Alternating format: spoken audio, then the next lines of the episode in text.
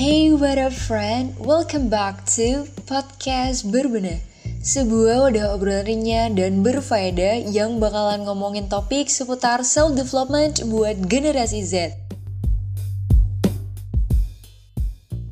Halo friend, jadi balik lagi bareng gue Vanija di episode kali ini. So pastinya gue gak sendirian karena lo bisa lihat kan ya di cover ada siapa tuh, cewek siapa tuh ya kan.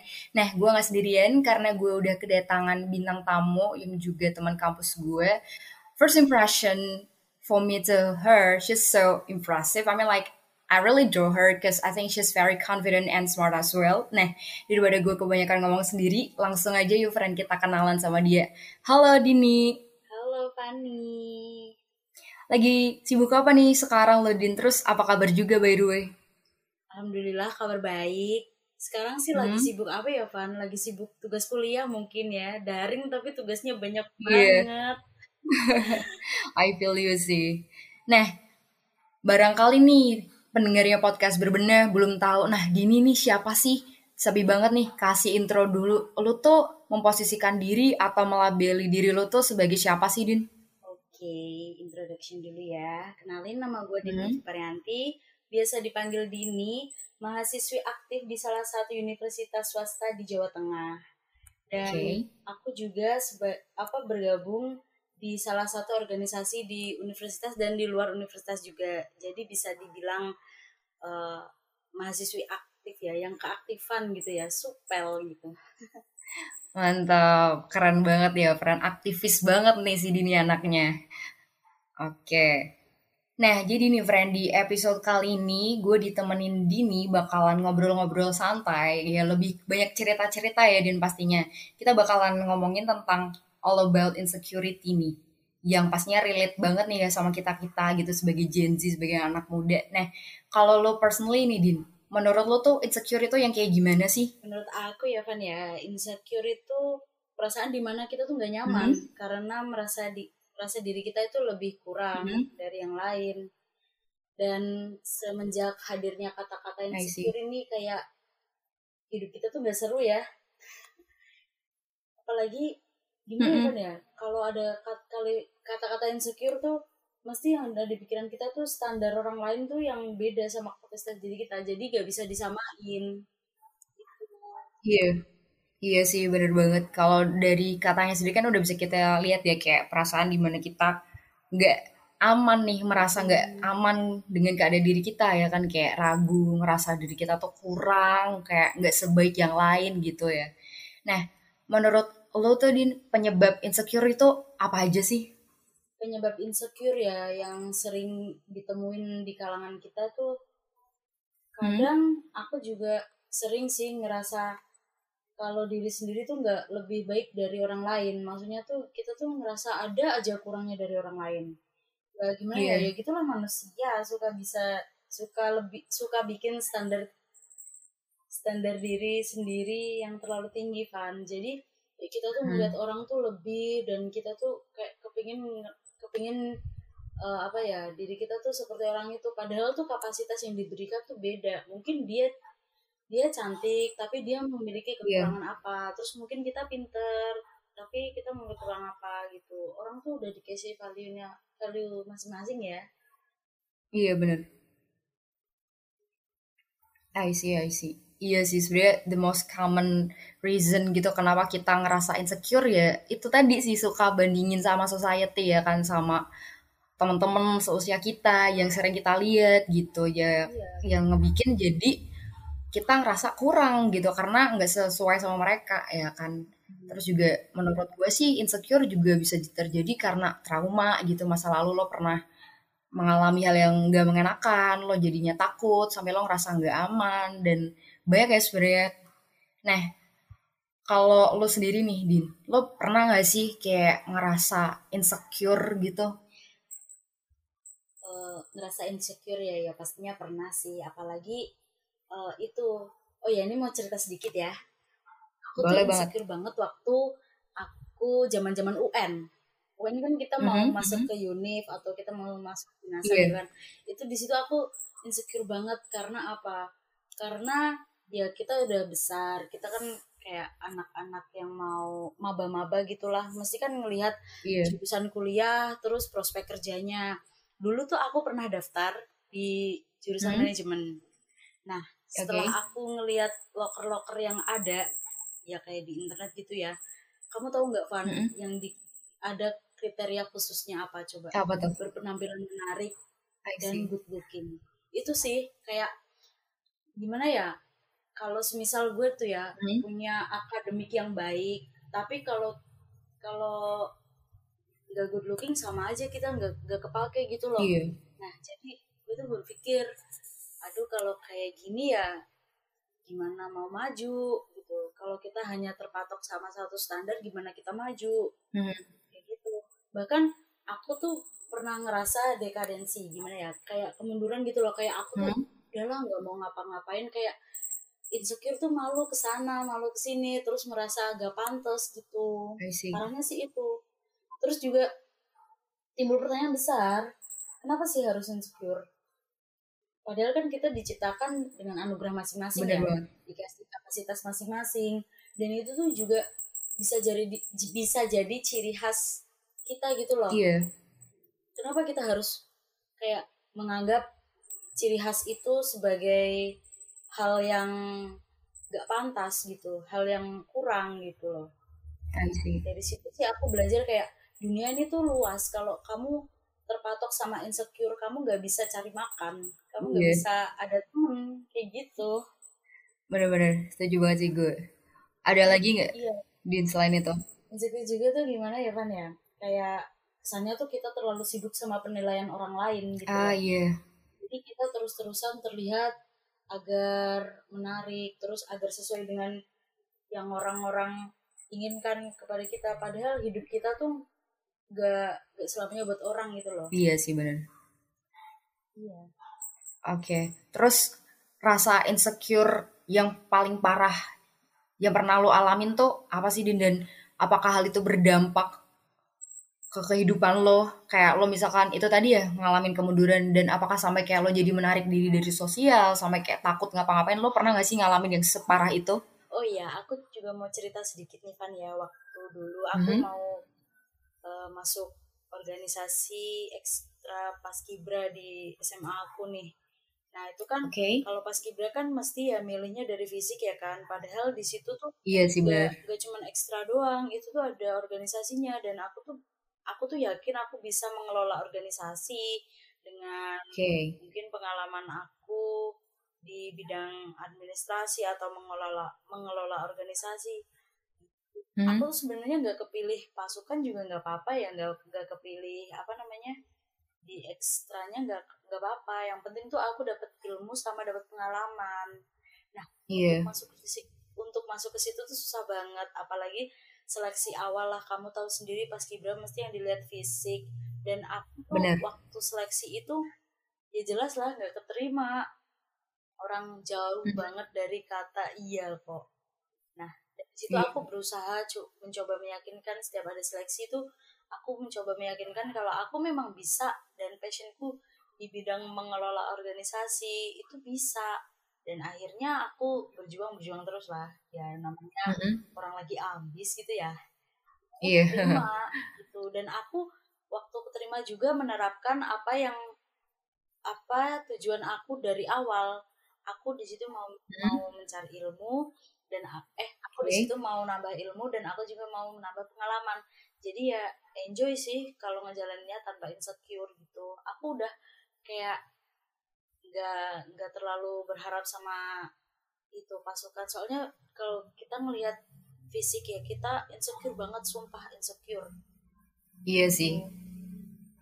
kalau kamu gimana Oke, iya. Iya, first of all, I feel you, I feel you banget sih, Dit. Sebagai cewek kadang kayak, aduh, kita ngeliat teman-teman yang lain, ya kan, scroll IG gitu, scroll TikTok. Ini relate sih nanti sama pertanyaan yang selanjutnya gitu. Gue insecure gue yang paling parah itu jujur pas SMK gitu. Pas itu tuh gue kayak, dan sampai sekarang juga sih, sebenarnya kan tipe apa kulit wajah gue tuh kayak oily acne prone skin gitu kan. Jadi kayak sering banget breakout apalagi dulu pas SMK itu gue kayak insecure parah gitu loh kayak aduh ngeliat teman gue yang lain yang mulus banget kayak aduh gue kayak kayak gini gitu. Terus juga pernah ada suatu hari di mana gue lagi ekskul waktu itu lagi PMR terus ada nih satu temen gue ngeselin banget nih kayak dia tuh nyeletuk gitu kan. Gue waktu itu tuh kayak lagi hate dan kayak ada jerawat gede gitu kan di muka gue. Terus gue tuh dia dia tuh bilang kayak eh Van lo lo nggak pernah mandi ya bagaimana kalau muka lo jerawatan. Kayak astagfirullah kayak ya gak gitu juga gitu loh. Iya kan terus kayak terus ada yang sering ngingetin ya ya nggak sih Din? Kayak eh kalau lo jerawatan di jidat sih lo lagi stres ya eh lo Bener-bener. lagi jatuh cinta ya iya kayak kalau lo udah ngeliat kenapa lo harus nanya sih kayak iya kan. Iya kan, kayak itu bikin insecure parah sih. Dan sampai pernah gue tuh yang paling parah bikin gue kayak kalau hangout gitu bareng rame-rame tuh kadang gue tuh insecure gitu. Kayak aduh nggak dulu deh gitu kayak itu sih. Atau yang paling parah itu karena fisik. Dan sampai sekarang sih gue juga ngerasain sih dan kayak tinggi badan gitu loh. Kayak kalau ngelihat cewek-cewek yang lain ya kan tinggi gitu. Terus gue kayak aduh gue ngerasa kayak tidak tubuh apa gimana. Itu juga fisik sih itu. Itu itu kayak insecure yang paling gede sih. Terus juga prestasi nih gitu. Misalkan ini gue yang gue rasain ya kayak ketika di dalam suatu forum gitu kayak isinya tuh orang-orang yang alpha banget gitu loh orang-orang kayak ambis high achiever banget orang-orang yang berprestasi menang lomba sana sini. Gue kerasa kayak gue kecil gue nggak ada apa-apanya.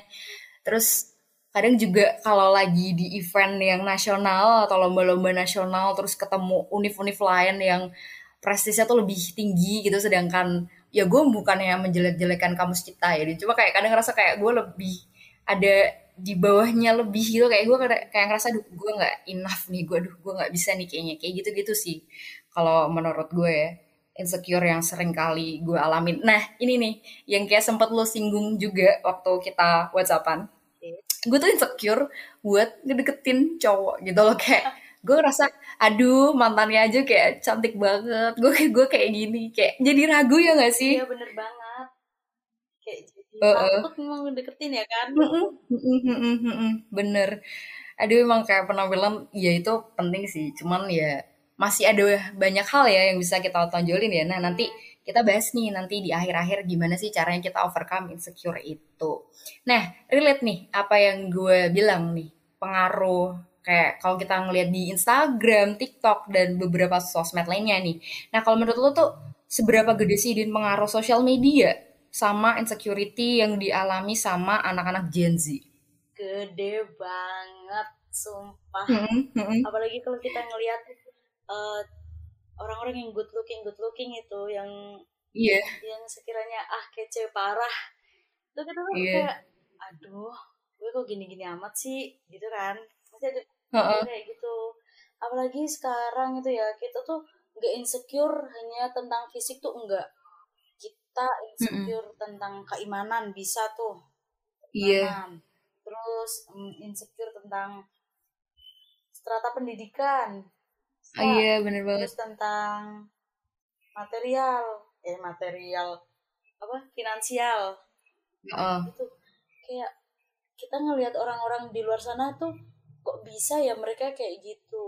Terus iya iya, kayak timbul per- timbul di hati gitu loh gue juga pingin nih kayak gini tapi balik lagi itu sesuai dengan eh, kapasitas kita apa enggak? Nah yang kalau apa yang parah tuh kalau nggak sesuai sama kapasitas kita kayak memaksakan gitu loh kan Kayak nah misal, iya, eh, banyak nih hmm, bocil-bocil mungkin ya ngelihat iya iya, kakak-kakaknya heeh. di sosmed itu kayak kece-kece gitu. Mereka pada niru gak sesuai dengan usia mereka. Jadi kan kayak Ah iya, aneh gitu ngelihatnya Mm-mm, mm-mm. Sesuai lah. Kayak kita tuh eh, fokus ke penampilan orang lain kita fokus ke pendapat orang lain. sedangkan kita nggak memperhatikan eh, diri kita tuh pantasnya tuh seperti apa gitu. Lebih memantaskan diri lah. Ya insecure boleh tapi jangan berlebihan. Kalau berlebihan tuh nggak baik. Karena ya I see. nanti kita nggak bisa berkembang dong. Kita melulu mikirin orang melulu mikirin omongan orang yang nggak nggak kayak gitu Iya, benar benar banget. karena apa ya kita sebagai Gen Z anak muda yang 24/7 tuh megang HP terus kan ya. Iya. apa yang kita lihat tuh sering dari HP kan. Jadi ya ya bener sih. Sebenarnya bener kata lo sih dan kayak insecure itu wajar gitu. Semua orang itu ngalamin. Even kayak orang yang kita kira di sosmed kayak pede cantik banget ganteng banget deep down kayak hal-hal yang kita nggak tahu di balik layar mereka itu juga insecure ya nggak sih Din? Iya, makanya itu manusia tuh nggak ada puasnya, Pan. Iya, heeh, Kita heeh. insecure, mere- ada ada yang lebih insecure. Nah, iya, bener, bener banget sih. Terus juga Tinggi, heeh, parahnya tuh aku pernah dengar kalimat kayak gini ya. Gimana? pantas untuk siapa pun itu is another level of insecure. Parah nggak sih Ah, kalau sampai ada orang yang ngerasa nggak pantas buat buat ngapain apa apa ya? Kayak ibaratnya orang itu nggak merasa merasa dirinya tuh nggak pantas. Udahlah gue gini aja nggak pantas buat di situ nggak pantas kayak gitu. Kasihan kan? mm, mm. Ya Iya kan sih, bener-bener. di dunia pekerjaan nih ya, kita bahas lagi yang lokal itu. Misal ada orang yang akademiknya bagus tapi di kriterianya itu nyantumin good looking. Kalau Nah, orangnya heeh, kalau orangnya yang baperan gitu kan masih kan kayak ah udahlah yang dipilih good looking. Dia tuh nggak bakal maju, dia nggak bakal bisa nyoba. iya, bener-bener. Eh, terpancang oleh standar yang ditentukan. I see, iya, iya. Itu, itu menurut gue kayak nggak adil banget ya kan. Heeh. Ya kalau misalkan kita secara skill capable ya why not gitu kan. Itu memang adalah apa ya sesuatu yang udah jadi apa ya kebiasaan society gitu yang udah dari zaman bahla udah jadi lama emang kayak gitu. Dan itu susah banget sih buat berubah gitu. Kayak oh standar enough gitu cantik ganteng tuh ketika lo putih wajah lo bersih lo tinggi badan lo ramping gitu. Padahal kan semua orang kan diciptakan berbeda-beda dengan apa ya beauty-nya masing-masing ya kan. Kalau menurut gue sih iya itu nggak make sense juga sih. Kadang kayak loker harus good looking lah segala macem lah itu nggak cuma di Indo sih kayak di beberapa negara gitu kayak Europe dan juga Amerika tuh gitu juga sih kadang kayak orang yang kulit putih itu lebih dapat higher priority Heeh. gitu dalam hal pekerjaan sedangkan orang-orang yang kulit hitam itu dapat posisi yang lebih rendah bahkan kayak gaji yang lebih rendah juga just Betul. because iya kulit warnanya tuh beda gitu loh kayak gak adil gak sih Ya kayak zaman apartheid dulu di Afrika Hmm, kayak gitu. mm-mm, mm-mm, mm-mm. bisa dibilang rasis juga ya kalau kayak gitu. Iya, mm-mm, bener. Rasis sih menurut gue sih. Iya. Cuman untungnya sekarang kayak apa ya toxic beauty gitu tuh udah mulai ini ya, udah mulai hilang ya. Maksudnya kayak di society udah mulai aware. Oh, you can be beautiful in your own way gitu. I see. Oke, sosmed emang ngaruh banget sih ya. Banget. Nah, oke. Nah, kita kan udah ngobrol-ngobrol nih. Insecure itu kayak apa, terus apa yang bikin kita insecure, terus pengalaman personal kita mengalami insecure. Nah, kalau dari lu nih, Din, berdasarkan pengalaman lo, berdasarkan apa yang udah lu lalui, sampai akhirnya lo bisa melewati itu semua, atau probably you still overcoming it, menurut lo tuh gimana sih caranya kita gitu dealing meng- atau mengatasi insecurity ini? Berdamai dengan diri lah ya. Mhm, mhm. Mungkin awalnya susah sih Van karena aku tuh merasa Iya, insecure di masa-masa aku mencari jati diri di kelas 9 oke. it- eh di kelas 12 itu. Mhm, mhm. Dan gimana ya kalau semisal kita insecure terus kan yang nggak baik juga ya buat diri kita. Makanya aku Iya, mencoba gimana ya mensyukuri lah apa yang udah diberikan. Aku diciptakan dengan bentuk segini rupa dengan kapasitas segini rupa dan aku tuh oke. harus bisa eh, gimana ya mengolah biar nggak stuck gitu hidup aku karena ya capek juga sih ya kalau dikasih nyawa kita insecure mulu kan nggak ada Iya, nggak ada kerjaan gitu Heeh. syukur sih terus Mm-mm. yang kedua eh, mulai apa ya kan mulai membuka diri lah aku kayak Oke. harus mengalahkan rasa insecure lah balik lagi sih Mm-mm. kalau kita kita kan hidup bersosial ya kalau misalnya Iya, kita terpancang sama satu apa ya namanya ya satu standar pun kita nggak bisa maju iya. Mm-mm. gimana ya kayak kita tuh kayak stuck lah kayak udahlah ini aja gitu kan nggak banyak nggak ya gimana ya caranya aku ngomong ya kalau semisal kita Intinya Mm-mm. terpancang sama satu standar itu kita nggak bisa grow up gitu loh Iya, bener-bener. Eh, kayak ya lingkunganmu ya udah di rumah aja kamu nggak bakal bisa ngapa-ngapain padahal dunia itu luas kita see. juga Mm-mm. bersosialisasi juga luas banget ya kan Iya. terus aku mulai mengapresiasi diri sih dari misal kekurangan aku aku jadikan Oke. icon iconku Mhm. terus apa yang bisa aku sumbangsihkan aku apresiasi diri gitu ini self, Oke. self love itu penting ya Iya, bener. karena dengan self love itu kita bisa nggak insecure bisa kayak meredam lah rasa insecure kita walaupun ya kita manusiawi lah insecure tapi setidaknya kita bisa meredam Iya, bener.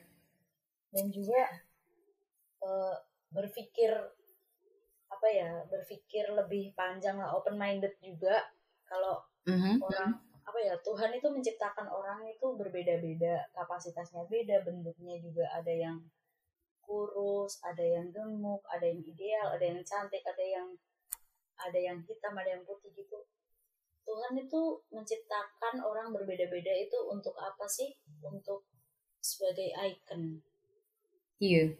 kalau semisal kita nggak ada pembedanya juga hidup di dunia nggak asik ya Iya, bener setuju sih gue. Itu sih gue lebih berdamai aja sama diri sendiri. Menerima lah. Lah emang mau digimanain lagi? Kan kita udah udah tercipta kayak gini kan. Maupun Iya. apa ya walaupun kalau dirubah juga ngapain lah. Kayak buang-buang apa ya buang-buang waktu juga. Sebenarnya kita tuh bisa hmm, Mhm. memperbaiki kekurangan kita. Tapi Mhm. ya balik lagi lihat kapasitas diri jangan terlalu memaksakan karena sesuatu yang terlalu dipaksakan itu juga nggak baik ya kan Iya, mm-mm, bener-bener. Setuju, setuju banget sih sama lo sih, Din. Emang bener, kayak memang manusia itu diciptakan berbeda-beda. Kayak boring ya gak sih? Kayak lo ngelihat orang lain misalkan diciptain sama semua. Kayak oh, lo ngelihat yang si A, oh sama kayak lo, si B sama kayak lo. Kayak aduh, apa nih yang seru dari dunia ini gitu. Ya, so that's why kita diciptakan unik dan berbeda-beda gitu. Setuju sih gue sama lo. Sebenarnya gue ada satu turning point waktu awal-awal pandemi gitu yang mana kayak aduh susah nih ke mana-mana dan akhirnya kayak gue sering apa YouTubean gitu gue nemu satu video tentang beauty standard dan how we can accept ourselves jadi isinya itu banyak sekitar kayaknya lima perempuan dengan insecuritiesnya masing-masing ada yang insecure karena fisik ada yang gemuk ada yang terlalu kurus rambutnya keriting kulitnya gelap jerawatan dan beberapa masalah lain lah yang bikin kita itu insecure. Dan akhirnya seperti yang lo omongin di awal tadi mereka gimana caranya mereka bisa survive dan bisa overcome insecuritiesnya itu dengan melihat dan lebih fokus ke kelebihannya tadi. Itu bener banget sih. Sama kayak apa yang udah lo omongin sih jadi kayak instead of kita terlalu mikirin nih kekurangan kita terus kayak aduh takut cemas gitu ya kayak anxiety ngerasa nggak aman dengan kekurangan-kekurangan kita. Coba deh kita mikir atau kita ngelihat ke kelebihan yang kita punya. Karena pasti deh pasti banget kita punya kelebihan yang orang lain itu nggak punya gitu. Jadi instead of kita fokus sama yang kurang-kurang-kurang ya udah kita fokus aja. Kita fokus ke kelebihan kita terus kita tingkatin tuh apa yang udah kita punya gitu itu bisa jadi kekuatan juga ya kan Iya. dan gue setuju juga sih dan sama lo lagi kayak kekurangan itu sebenarnya bisa bisa diubah ya bisa Iya, tapi memang beberapa itu ada yang udah dari sononya, bawaan lahir tuh kayak gitu, kayak misalkan fisik gitu. Kayak hidung lo gimana, itu bisa sih, bisa juga sih diubah. Misalkan dengan operasi lah segala macam. Cuman kayak sehat gak sih kalau kayak gitu? Lo mengubah bagian dari diri lo yang udah diciptain Tuhan kayak begitu, hanya karena biar lo sesuai sama standar masyarakat gitu. Itu udah jadi red flag ya gak sih? Kayak sesuatu yang perlu kita sadari dan perlu kita waspadai. Kayak wajar gak sih kalau insecure lo udah ngebikin lo kayak gitu? Itu menurut gue udah tanda-tanda sih. Maksudnya kayak jangan sampai rasa insecure lo tuh bikin lo jadi itu maksa. Maksa tadi tuh itu udah gak sehat ya? Yang toxic itu. Iya benar-benar banget sih. toxic lah iya itu itu bahaya ya friend jadi kayak coba deh kayak insecure tuh nggak apa-apa nggak apa-apa banget gitu. Itu karena adalah ada penyebabnya kan trigger dari dalam diri kita itu. Dan itu tuh wajar sih. Semua orang tuh sebenarnya ngerasain insecure. Cuman yang nggak wajar adalah ketika insecure itu udah bikin kita jadi over anxiety sampai mengubah keseluruhan diri kita. Hanya karena biar sama biar aman gitu sama society itu itu yang udah nggak wajar sih. Dan one thing exactly that I learned gitu dari masa lalu juga gitu sampai gue akhirnya kayak ya udah deh emang gue kayak gini. Ya bener sih apa yang lo bilang sih din? Self acceptance itu penting karena kayak ya ini diri lo gitu. Siapa yang bakalan nerima lo selain diri lo sendiri ya kan? Kayak start with ourselves first gitu. Mm-mm, bener sih din. Bener banget. Kayak memang insecure itu bisa ya diatasi cuman balik lagi proses ya gak sih? Ya proses proses yang membuat gimana ya uh, hasil dari insecure kamu tuh bisa mengarah ke hal yang positif atau negatif gitu. Nah, kan iya, ada kayak bener. insecure akademik. Nah, Mm-mm. dia kan belajar belajar terus kan ke arah positif. Nah, Iya, kayaknya setuju. kalau insecure di fisik, oplas, nah itu yang parah sih. Kayak Iya sih bener. eh, membuat kita perfect dalam hitungan tahun mungkin ya. Tapi Mm-mm. mungkin setelah sewindu apa enggak apa enggak takut tuh sama efeknya? Iya bener bener bener. Kayak yang lu singgung tadi sih Din, be open minded aja gitu ya nggak sih? Kayak Hmm, just embrace and encourage ourselves gitu. Kondisi fisik lo kayak kecerdasan lo segala macam ya udah terima aja dan gitu. Kayak bener sih long term juga ya kita harus mikirin ke sana gitu. Kayak oh iya lu aman sih sekarang. Cuman lo nggak tahu kan ya ke depannya bakalan kayak gimana hmm, gitu. Iya maksudnya kayak coping with insecurities itu adalah sebuah journey. I mean kayak lo nggak bakalan bisa setelah dengerin episode kita ngobrol ini nih langsung nggak insecure itu itu kayak impossible banget sih. Ya lo proses gitu. Untuk menerima diri, diri lo sendiri tuh kayak butuh perjalanan yang panjang juga ya kan dan nggak perlu buru-buru juga ya nggak sih Din? iya. Mm-mm, karena bener sih. Enjoy aja. ya? Proses itu nggak instan. Penyesuaian diri bener. tuh susah sih berdamai dengan diri sendiri tuh kadang ya bisa berdamai satu dua minggu tapi setelah itu kayak ah bosen gini-gini doang gue pengen kayak gitu nah situ Iya bener sih. Kadang kita udah ngerasa oh gue nggak apa-apa deh gini aja deh terus ngelihat yang lain gini kayak aduh gini lagi insecure lagi. kayak iri gitu ya insecure itu eh, Mm-mm. bahasa halusnya iri mungkin ya Van ya Oke, jadi nih friend, setelah kita agak serius gitu lah ya, deep talk nih sama Dini. Nah, kita refreshing dulu, kita ice breaking dulu dengan main game this or that. Jadi nih, Din, gue punya lima pertanyaan buat lo. Nah, nanti lo pilih cepet. Jadi rapid question, this or that. Lo milih yang A atau B. Udah siap? udah Oke. Yang pertama, Instagram atau TikTok? Instagram Oke. Foto pakai kamera depan atau pakai kamera belakang? kamera depan Oke. Yang ketiga, dengerin omongan orang atau cuek aja? cuek Good. Oke. Yang keempat, lebih insecure karena fisik atau prestasi? prestasi Sama kayak gue. Yang terakhir nih, VSCO atau Lightroom? Fisco Oke, oke. Oke, udah nih main gamenya nih. Nah, rata-rata hampir sama ya, Din, kayak gue ya ternyata ya. ya Oke, sebelum nih kita closing nih, setelah kita mempelajari insecure itu kayak gimana, terus pengalaman-pengalaman kami nih, friend. Nah, gue pengen nanya nih, Din, ke lo. Lo bisa gak sih kayak bagi pesan buat yang lagi dengerin gitu, terutama yang lagi ngerasa insecure banget sama dirinya, supaya kita-kita ini bisa menerima diri kita apa adanya. hmm, ada sih mungkin beberapa pesan ya aku mau pesan Oke, dikit aja sih siap? buat reminder ya reminder Mhm. apa sih bacanya reminder ya Mm-mm, iya, tuh boleh tapi untuk bahan evaluasi ya bukan untuk menghindar diri sendiri dan lupa bersyukur ingat tuh syukur tuh lebih penting dari segala hal loh bener. Dan juga jangan gimana ya jangan selalu insecure dengan diri kamu sendiri. Mm-mm, tapi jangan jadikan juga perkataan insecure itu sebagai salah satu kelemahan.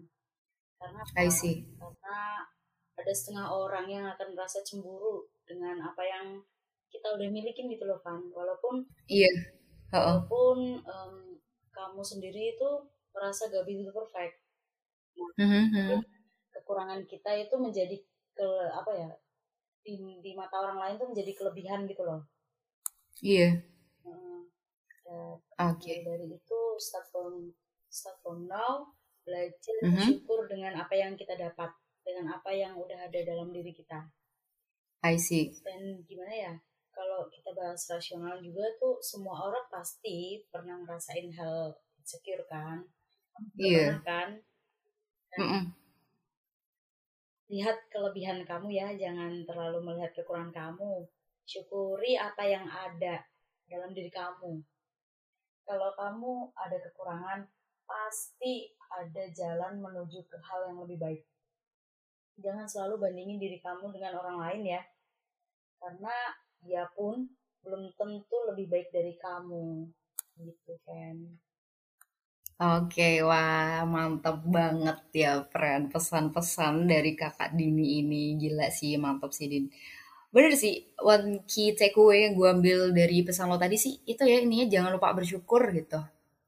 Terus yang kedua kayak apa yang lu lihat dari orang lain itu adalah hanya sebagian kecil, kecil banget dari keseluruhan hidupnya. Dan yang ketiga ini bener banget sih, true banget sih. Yang kadang kita itu nggak sadar, orang lain tuh juga pengen kayak kita ya nggak sih? Mm. Oke, okay, iya, ada setuju sisi, banget. Gimana ya, hmm? walaupun hmm? kita insecure sama orang, tapi hmm? orang lain juga itu melihat uh, diri kita lebih gitu loh. Jadi orang lain juga insecure ke kita, kita orang. iya, iya, bener. Soalnya kalau menurut gue ya, gue jujur kayak I really adore you Din karena kayak pertama kali gue kenal sama lo waktu gue chat lo di WA waktu itu kayak wah gila sih ini anak ramah banget, baik banget. Terus and then ketika kita di kelas kayak you're so brave, I mean like you're so confident gitu loh. Gue gue jujur kayak sangat-sangat kagum dengan percaya diri lo, public speaking skill lo, terus juga kayak excitement yang selalu lo tunjukin ketika kelas and that's really you know like cool though to me ya kayak ya itu tadi ya mungkin kayak hal-hal yang jarang kita tahu gitu loh padahal orang tuh juga kayak kagum dan apa ya bangga sama diri kita juga ya kan mm. Jadi setiap orang itu punya kelebihan masing-masing gitu. Bener jangan selalu ngelihat diri kita dari kurangnya. Iya coba kita apa ya perlebar nih kacamata kita gitu. Nggak cuman ngelihat yang sempit-sempit aja gitu. Kita lihat lebih luas lagi kelebihan kita ya. Mm. Oke, nah lo ada gak sih Din satu quote gitu yang bikin lo tuh bisa bertahan sampai sekarang dan jadi Dini yang kayak gini nih? Satu quote ya, quote ngarang. Mm -hmm. Gak apa-apa, santai aja, bebas. Gak usah overthinking, ten gak usah overthinking, ya bentar-bentar. Gak usah overthinking okay. tentang insecure. Kamu istimewa mm -hmm. jika dibalut dengan syukur. Aduh, mantep banget ya, friend. Intinya tuh jangan insecure, bersyukur gitu ya. Balik lagi ke bersyukur. Iya. Itu yang kadang sebagai manusia tuh kita lupa gitu. Aduh, padahal itu penting ya. Penting banget. Kalau semisal bersyukur masih kurang ya, parah sih. Hmm? iya, iya, iya. Bener kan ada juga nih kayak kalau kita bersyukur nikmat kita kan akan ditambah ya kan sama Tuhan ya Bener-bener. Oke, nah sebelum closing nih, Din, ini last question. Nah, ada nggak sih yang pengen lo promosiin gitu ke teman-teman? Misalkan lo ada bisnis atau karya, konten, event, atau sosmed lo deh, boleh Instagram, TikTok, anything. Uh, hmm, ada sih. Mm -hmm.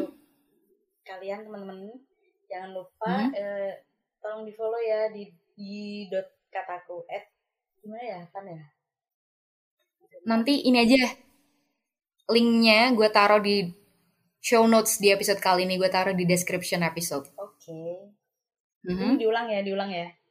Boleh. Oke, okay, buat teman-teman semua jangan lupa di follow at di kataku ya, karena itu tuh um, IG kecil-kecilan aku sih cuman buat berbagi apa ya istilah kalau jawanya tuh sambat gitu ya.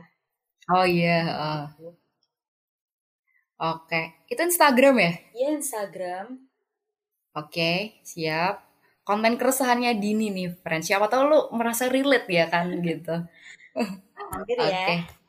Iya, gue taruh deh di show notes kali ini. Nah, kalau IG personal lo nih, Din, apa nih? Kalau misalkan teman-teman pengen mutualan juga.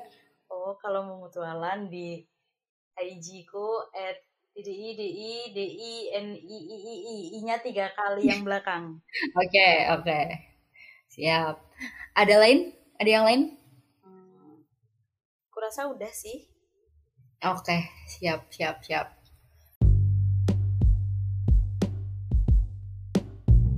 Nah, nggak kerasa nih, friend. Kita udah ngobrol-ngobrol seru, panjang lebar nih bareng Dini.